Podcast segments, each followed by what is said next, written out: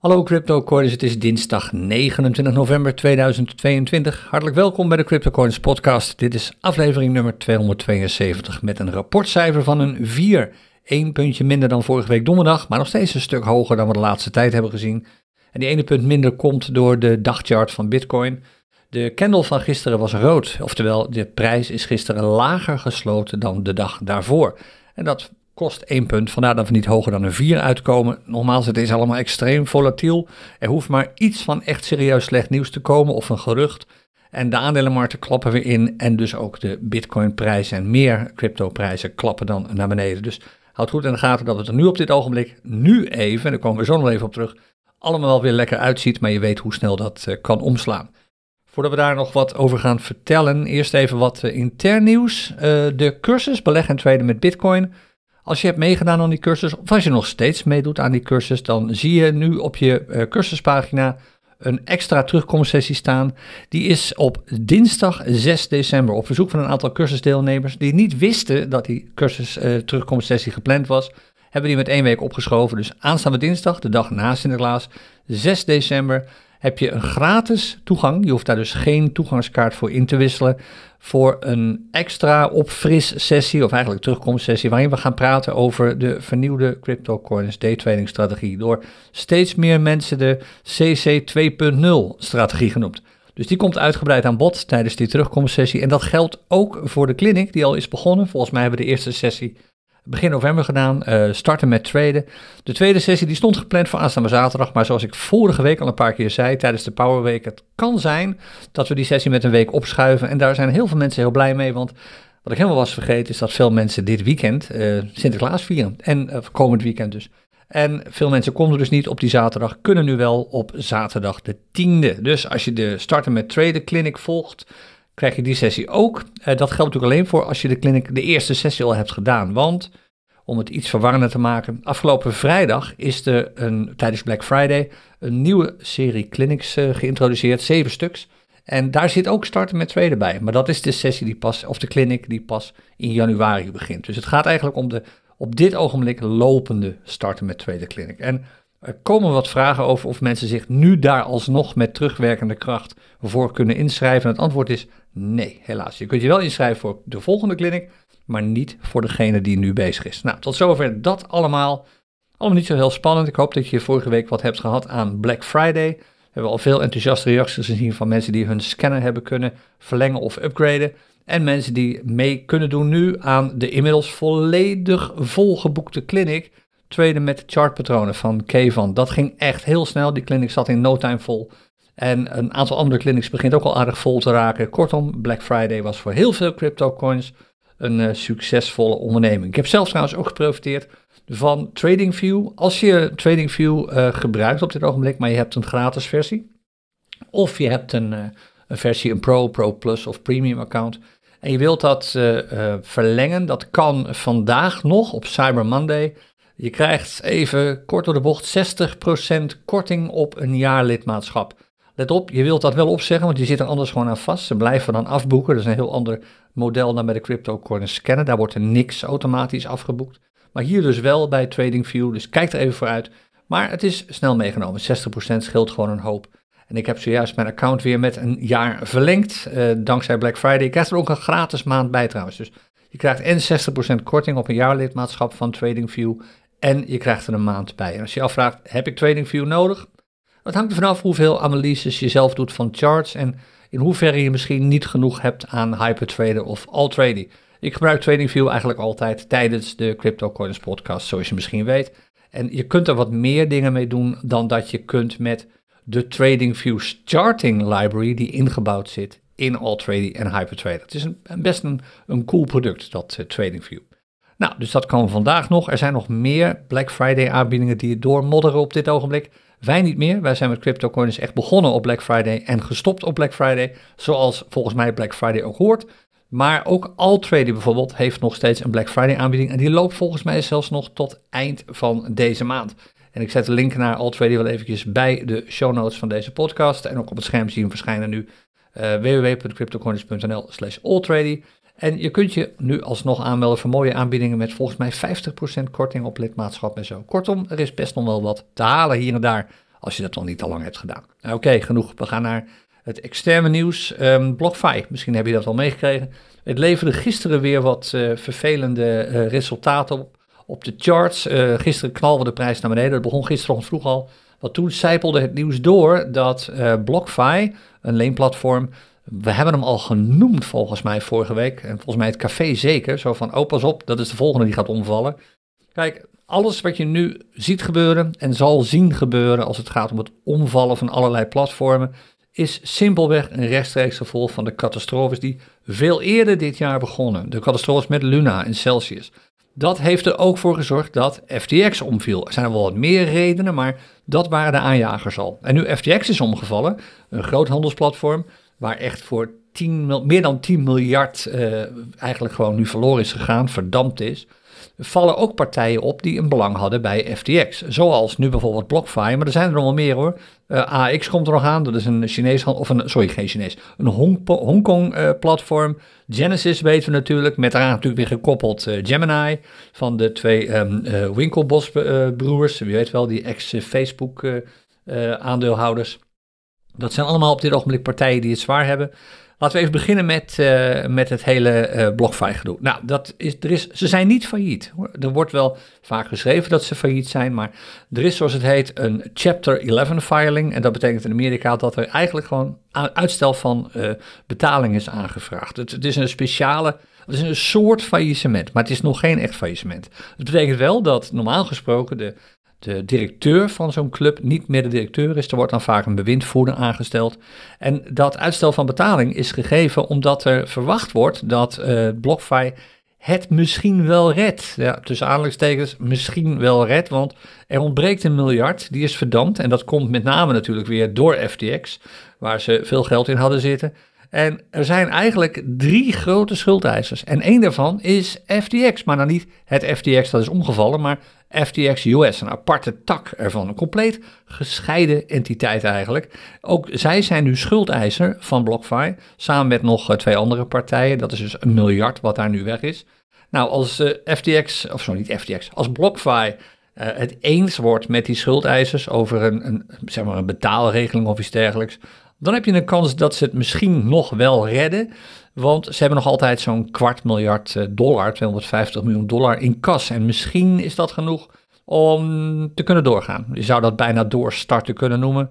Of dat is, nou dat weten we binnenkort. Maar ja, de schade is al gedaan, want op het moment dat het gerucht kwam dat uh, BlockFi van, uitstel van betaling had aangevraagd, knalde natuurlijk de bitcoinprijs naar beneden. Apart is dat het deze keer, in tegenstelling tot FTX, heel snel herstelde. Dat gaan we zo meteen even zien. Maar ik zei dat net al een beetje, dat wil niet zeggen dat het natuurlijk voorbij is. Dit is niks nieuws voor je, zeker niet als je naar de Crypto Corners eh, podcast luistert. het hele drama bij Luna toen de tijd en nu helemaal bij FTX, dat druppelt nog wel even door. Om te beginnen is er natuurlijk een enorme reputatieschade ontstaan in de hele cryptomarkten. Uh, hoewel bijvoorbeeld Bitcoin er zelf niks mee te maken heeft, en levert dus wel degelijk een hoop negatief imago op uh, voor Bitcoin en voor andere cryptomunten. Maar je zult zien dat dit nog wel even doordruppelt. Nu hebben we een BlockFi. Uh, we krijgen misschien, ik zei het net al binnenkort, AHX er nog achteraan. Dat is een, een handelsplatform, uh, gewoon eigenlijk waar je op kunt traden in Hongkong. Nou, Genesis heb ik al even genoemd. En Genesis, dat is een groot investeringstak van een nog veel grotere broker, een venture capital broker. Oftewel, zij brengen uh, bedrijven en investeerders bij elkaar om aan venture capital te komen. Digital Currency Group heet dat bedrijf. Ja, en er komen steeds meer signalen dat die beide bedrijven, AX en Genesis, op omvallen staan. In beide hebben al te maken gehad met een soort bankrun, waar um, investeerders of traders probeerden hun geld terug te halen. Volgens mij is bij beide op dit ogenblik uh, het ook bevroren, kun je geen geld meer opnemen. Net zoals dat natuurlijk bij BlockFi was. En dat is eigenlijk altijd gewoon een slecht teken. Dus we zien het vanzelf gebeuren, maar je weet inmiddels hoe de markt reageert. En kijk eigenlijk gewoon even naar de cryptomarkt in dit geval. Op, dergelijke, uh, op dergelijk nieuws. Dus als een van die partijen omvalt, kan dat meteen weer een schokbeweging betekenen voor de prijs van Bitcoin. En al die cryptomunten, houd er dus rekening mee. Je kunt echt op dit ogenblik onaangenaam worden verrast als je in trades zit. Omdat opeens zomaar dat nieuws kan komen. je weet dat kan op elk moment van de dag gebeuren. Het is echt niet zo dat het altijd uh, midden in de nacht is of zo. Nou, tot zover het nieuws. We gaan naar de charts. En ik heb uh, een paar charts eruit gehaald. Uh, de Ether charts, Ether versus de dollar, behandelen we voorlopig tijdens de podcast niet meer. Daar wachten we even mee totdat de zaak weer omkeert. En als er uiteraard heel serieus nieuws te melden valt over Ether of over het Ethereum-netwerk, dan pakken we ze er even bij. Maar de praktijk wijst uit dat de meeste mensen eigenlijk alleen maar focussen op de Bitcoin charts. Dus dat doen wij vanaf nu hier ook in de Bitcoin, eh, of in de CryptoCoiners podcast, de Bitcoin podcast. En we beginnen met de weekchart. Er is gisteren een nieuwe week begonnen, dus als je meekijkt op YouTube, zie je die chart nu ook, de Bitcoin versus de dollar weekchart op Bitstamp. En wat die chart betreft, vorige week hadden we, en die hebben we ook al even genoemd, hadden we een mogelijk nieuw dal te pakken, 15.479 dollar. En toen hebben we al gezegd van nou, als de prijs daar boven blijft deze week, en dat was dus begin vorige week, dan uh, gaan we alweer op weg naar boven. Nou, we weten het nog steeds niet. We hebben nu inmiddels eh, geen lagere prijs gezien. We zijn dus nu een week verder. En dat betekent dus dat de candle die je in beeld ziet nu, de weekcandle van de week van 21 november, wel eens het nieuwe dal zou kunnen zijn. En dat is natuurlijk een lager dal dan het dal dat we hiervoor hebben gezien. Maar het is een, in ieder geval een nieuw dal. En dat betekent dat de kans groot is, dat hangt eigenlijk weer een beetje van deze week af, dat we nu eindelijk op weg gaan naar een nieuwe piek.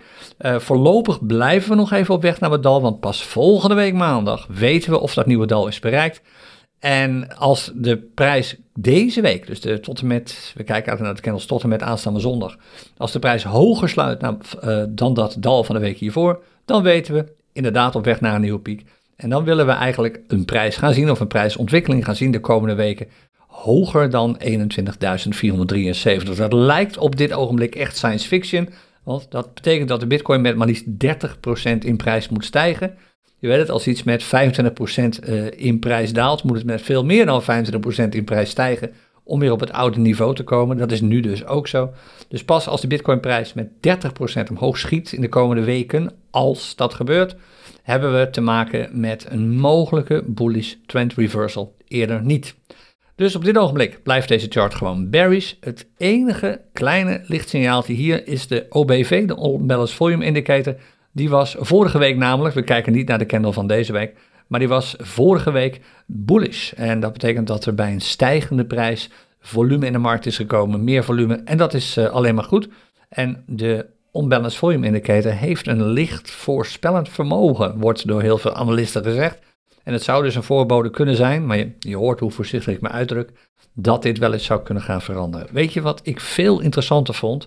Dat is de Bitcoin dagchart. Als je naar de dagchart van Bitcoin kijkt, dan zie je op maandag de 28e, gisteren dus, opeens een rode candle. En het ziet er allemaal klein uit hier. Maar als je kijkt naar de open op die dagchart en je vergelijkt het met de, sorry, de close op die dagchart en je vergelijkt het met de close op de dagchart eh, daarvoor, of de dagcandle daarvoor, 1,47%, dat is al heftig. Maar als je kijkt naar de high op de dagcandle van gisteren en je vergelijkt het met de low, zag je dat de prijs gisteren zomaar eventjes met 3% kelderde. En sinds het begin van het weekend zelfs eventjes met bijna 5%, of bijna ruim 4% is gedaald. En dat kwam hier, gisteren dus, maandag, door BlockFi. Heel simpel. En eerlijk gezegd, de meeste analisten hadden verwacht dat hij nog wel even zou doorzetten. Want dat hebben we ook gezien als je hier kijkt bij de FTX-drama's die optraden, zo rond de, dat was ook in het weekend trouwens, rond de 6 november. Kijk, hop, daar ging opeens die prijs naar beneden. Nou, bij BlockFi, niemand had verwacht dat het zo ver zou doordalen. Maar wat heel weinig mensen hadden verwacht, is dat het maar zo kort zou duren. Want als je nu kijkt, de candle van vandaag, en hij is natuurlijk nog niet klaar, maar zometeen pakken we de urenchart er even bij, die is behoorlijk groen. Dus er is al heel snel weer een bounce gekomen. De prijs stuit het al heel snel weer terug. Het staat eigenlijk nu alweer hoger op dit ogenblik dan de open prijs afgelopen zaterdag. En dat is wel uh, symptomatisch voor het vertrouwen op dit ogenblik dat mensen hebben in Bitcoin. Met name de prijs van Bitcoin. Ze zeggen nee, een prijs van Bitcoin onder de 15,5 is gewoon niet realistisch. En veel uh, beleggers op dit ogenblik zeggen dat een prijs van Bitcoin onder de 16.000 eigenlijk niet realistisch is. Want bij die low die we gisteren hebben gezien is de prijs niet eens onder de 16.000 gekomen. Wat was het? 16.004. En dat betekent ook dat we nu misschien wel een nieuwe trough te pakken hebben. En nu hebben we nog een dal, een trough van maandag 21 november op de kaart staan. Maar als de prijs vandaag niet onder de 16.004 duikt, dan hebben we een nieuw dal te pakken. Dat weten we dus morgen. Gaan we op weg naar een nieuwe trough, uh, sorry, een nieuwe piek. En als de prijs dan boven de, en dat is niet zo heel ver weg, boven de 16.783 komt, dat is de piek die we vorige week hebben gezien, dan is de dagchart bullish. Ondanks wat we de afgelopen weken allemaal hebben gezien, de prijs staat zeker nog niet op het niveau van begin november. Toen hadden we nog makkelijk boven de 20.000. Maar we hebben weer een bullish dagchart. En dan is in feite de weg weer vrij naar verdere prijsstijgingen. Maar je weet, zeg ik erbij, hoe volatiel het allemaal is. Nog meer slecht nieuws, nog meer exchanges die omvallen, gaan impact hebben uiteraard. Dus houd rekening mee dat je zelfs als die trend hier omkeert naar bullish, je af en toe nog behoorlijke swings kunt zien, behoorlijke prijsdalingen opeens, die zoals gezegd misschien wel weer heel snel terugstuiteren, maar ze kunnen komen. Maar zelfs als ze komen, kijk nog even naar die, eh, die trend. Dat is uh, best interessant om te zien.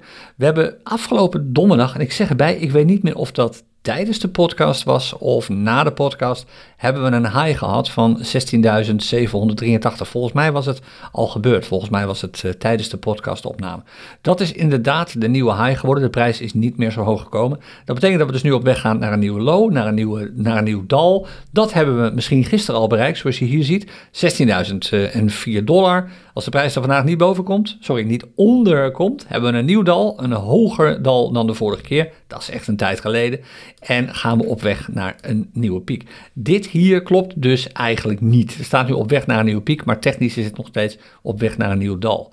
Nog steeds interessant om bij te houden zijn de Keltner Channels. De prijs staat daar nu al sinds vorige week donderdag in, of eigenlijk sinds vorige week woensdag al, in die Keltner Channels. Dat betekent dat het bearish sentiment niet meer toeneemt, maar eerder aan het afnemen is. Of sorry, de bearish, bearish momentum. En de parabolic stop reverse, nou, die staat al sinds begin deze maand op een bearish. Dat staat hier nog steeds. Dat keert pas om als of deze plusjes bovenaan de prijs nog verder dalen, wat automatisch gaat. Of de prijs er doorheen breekt. Een van de twee. als dat nu zou gebeuren, dan zou dat betekenen dat de prijs zomaar door de 17.700 is heen gebroken. Maar je weet het, die plusjes als ze boven de prijs staan, zullen blijven dalen. Steeds weer, elke dag weer, totdat de prijs er vanzelf een keer doorheen breekt. Op dit ogenblik als je er puur als trader naar kijkt, als signaal, hebben ze ook niet al te veel te betekenen, want het is niet voor niks de parabolic stop and reverse indicator. En dat betekent dat hij alleen in een parabolische prijsontwikkeling echt betrouwbare informatie afgeeft. Nou, dit is geen parabolische prijsontwikkeling. Die hebben we hier gezien. Vanaf 6 eh, november, hop, toen kreeg je een parabool te zien, de prijs dook naar beneden. Dit was FTX, zoals je weet. En inmiddels is het eigenlijk, als er al een beweging is, is die eerder lineair dan parabolisch. Dus nu kun je er niet veel meer maar dalen blijft hij sowieso. Nou, dan de unbalanced volume indicator op de dagchart. Ook eigenlijk eh, net als de, uh, de weekchart lijkt het hier alsof die omhoog kruipt. Maar dit gaat over de candle die nog niet klaar is, namelijk de candle van vandaag. Als je kijkt naar de candles tot en met gisteren, dan zie je eigenlijk al dat sinds vorige week woensdag de unbalanced volume indicator eerder bearish signalen afgeeft. Het is dus niet een gegeven dat deze dagchart snel omkeert. Vooral als je bedenkt dat dit een toekomstvoorspellende indicator is. Maar morgen weten we al meer en donderdag helemaal. De chart zelf op dit ogenblik laat niet al te veel positief nieuws zien. Anders dan het feit dat we misschien een dal hebben dat hoger is dan het vorige. Maar dat weten we echt dus pas morgen. Dus het is allemaal misschien, misschien. De parabolic stop and reverse is nog bearish. De unbalanced volume is nog bearish. Uh, het enige goede nieuws nu is dat het momentum, het bearish momentum aan het afnemen is. En dat betekent dat ja, het is eigenlijk nog steeds 50-50. Het kan beide, beide kanten opvallen. Het zou ook een, een compressie kunnen worden hier, dat de prijs een tijd lang in deze range gaat bewegen. In het prijsverschil tussen de 15,5 en de 16 ongeveer, 16,5 misschien het is lastig te zeggen op dit ogenblik. Kijk, als je grosso modo naar zo'n chart kijkt, zie je gewoon die prijs dalen. Je, kunt er, je zou er een trendlijn boven kunnen tekenen, die gaat gewoon naar beneden. Je zou er een trendlijn naar beneden kunnen tekenen, die gaat gewoon naar beneden. Er zit een kanaal en het kan zomaar zijn dat de prijs binnen dat kanaal naar beneden blijft bewegen natuurlijk. Die kans is ook gewoon aanwezig.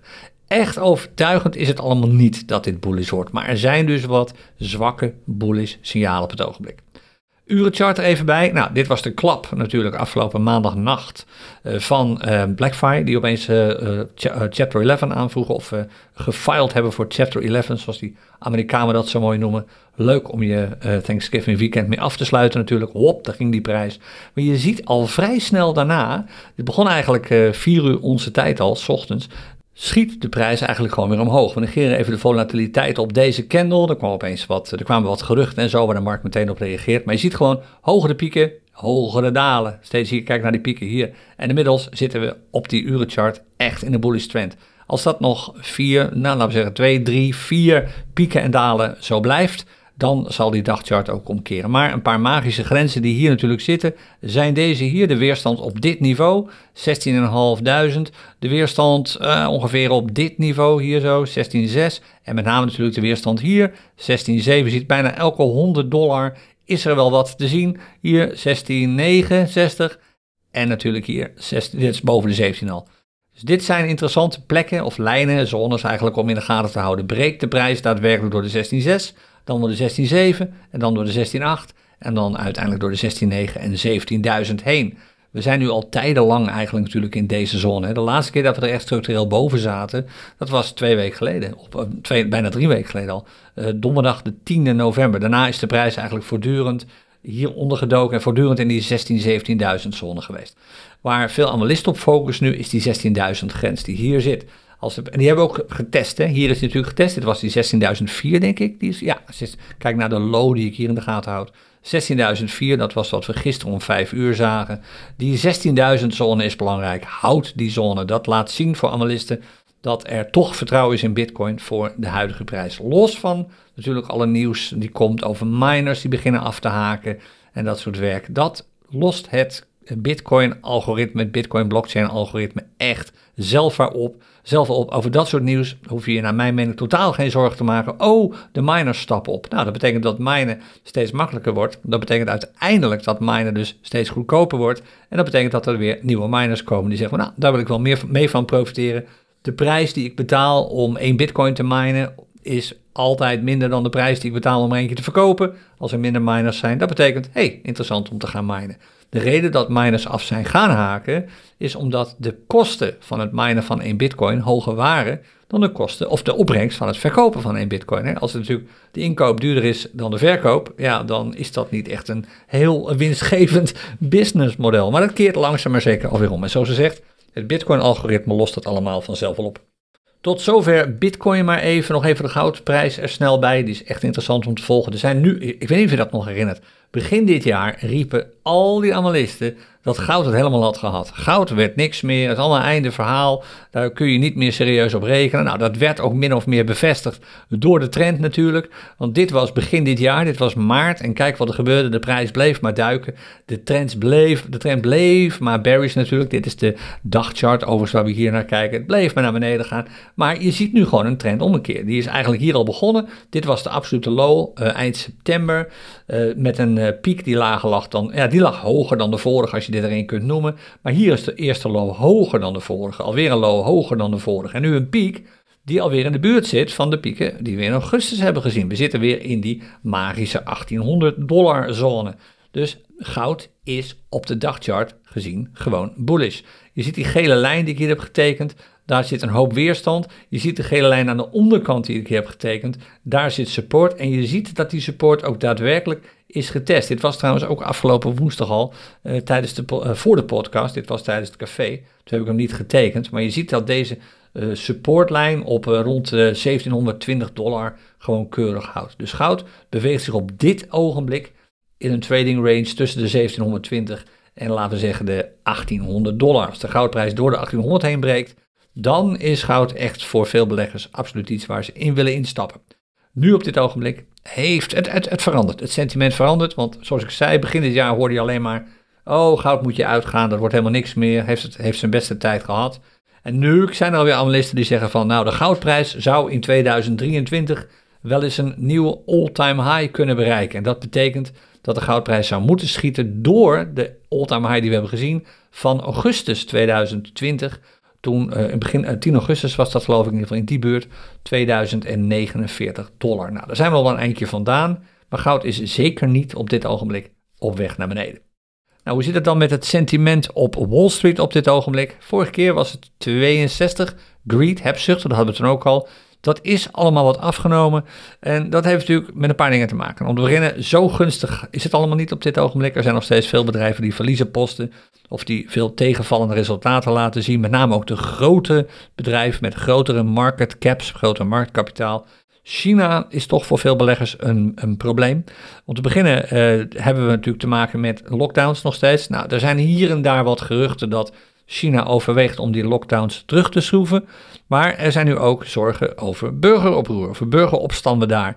En dat is niet prettig als je begrijpt dat China gewoon een producent is van veel grondstoffen en meer dan alleen maar grondstoffen die nodig zijn om Amerikaanse bedrijven winst te laten maken. Dus zolang daar veel zorgen over zijn, je ziet Rusland en de gevolgen daarvan, of Oekraïne eigenlijk, is weer wat naar de achtergrond uh, verdrongen. Maar zolang er veel zorgen zijn over China, zul je merken dat die greed eerder afneemt. En hij is naar mijn mening, maar dat weet je inmiddels, want ik zeg het vaak genoeg, niet echt realistisch. Fijn dat veel beleggers hebberig zijn op het ogenblik, maar volgens mij is dat echt tegen de, zwaar tegen de storm in op dit ogenblik. De trends zijn helemaal niet positief.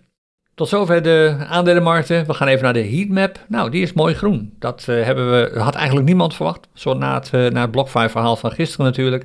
Maar alles is groen. Dat betekent dat het op dit ogenblik best wel heel aardig trade is. Wel een beetje opletten dat niet alle munten ten opzichte van de bitcoin in prijs zijn gestegen. Hoewel het er op deze chart wel goed uitziet. Maar het is best lekker. Tweede op dit ogenblik. En wat uh, de trends betreft, we pakken nog even de barometer erbij. Kijk, er zijn ook veel meldingen als je nu ziet. Steeds meer meldingen waarbij munten overtuigend bullish zijn. Kijk hier naar de Mana versus de Bitcoin bijvoorbeeld. 86% bullish. Overigens houdt je achterhoofd dat Mana een extreem laag volume heeft. Dus echt tweede op zijn munt kun je niet vaak. Dit ziet er al wat beter uit, maar ook 93% bullish. Oftewel heel veel charts van dit muntpaar zijn bullish. Ook de charts met grotere intervallen. En dat zie je ook wel terug als je de trend erbij pakt. Laten we beginnen met de dollar trend. Dat is eigenlijk toch wel de belangrijkste om in de gaten te houden op dit ogenblik. Die was volgens mij net bullish vorige week. 0,2% of zo, of 2%. Hij is nu een stuk meer bullish geworden. Er zijn meer muntparen waarvan de trend is omgekeerd. Kijk, we zitten nu op 18,6% bullish. Dat is echt hoog. Dat, is, dat hebben we een tijdje lang niet gezien. En je ziet het ook terug aan de charts hier. Er is geen chart meer die 100% bearish is, maar er is al wel een chart die 100% bullish, bullish is op het ogenblik. En de trend voor de Bitcoin-markten, die was volgens mij vorige week ook al bullish. Dat is hij alleen maar meer geworden natuurlijk, want de meeste altcoins zijn ten opzichte van Bitcoin best wel lekker doorgestegen. Het duurt altijd even voordat die trend is uitgerekend. Daar is hij, kijk, 28% bullish op dit ogenblik. Dat is bemoedigend en dat maakt de tweede weer een stukje makkelijker dan uh, vorige week en de week daarvoor bijvoorbeeld. Kijk, heel veel munten hier zijn bijna 100% bullish, alleen de wat kortere charts niet. En er, zijn, er is geen chart te vinden die voor 100% bearish is, zelfs geen charts die voor 99 of 98% bearish zijn. Kortom, dit wordt gunstiger op dit ogenblik. Je ziet het, hè? ook weer 21% bullish op deze chart. Als je met de CryptoCoiners 2.0 strategie aan het traden bent, dan wil je eigenlijk alleen maar instappen op charts met een bullish gehalte, of sorry, op marktparen met een markttrend van meer dan 30% bullish. En misschien zelfs, als je heel voorzichtig wilt zijn, meer dan 60% bullish. Zoals de laatste twee bijvoorbeeld. Maar hou alsjeblieft dat volume in de gaten. Want je ziet het, het is vaak gewoon niet spectaculair. Kijk, 0, 0 bitcoin. Je kunt gewoon eigenlijk niet instappen op deze chart. Als je de chart erbij zou pakken, dan zou je zien dat er nauwelijks volume in zit op dit ogenblik. Maar het is beter dan wat we vorige week en de week daarvoor hebben gezien. Kortom, het is best lekker traden. Nog even de barometer erbij. Ik geloof dat de urenchart niet, of de urenbarometer niet zo gunstig stond. Ja, 0%. Beetje oppassen dus. Maar het is gewoon best op dit ogenblik, kijk maar in onze live trading chatgroep, goed te doen. Nou, dat is alleen maar mooi. En dat betekent ook dat we klaar zijn voor vandaag. Want je wilt immers aan het traden en niet naar de podcast luisteren.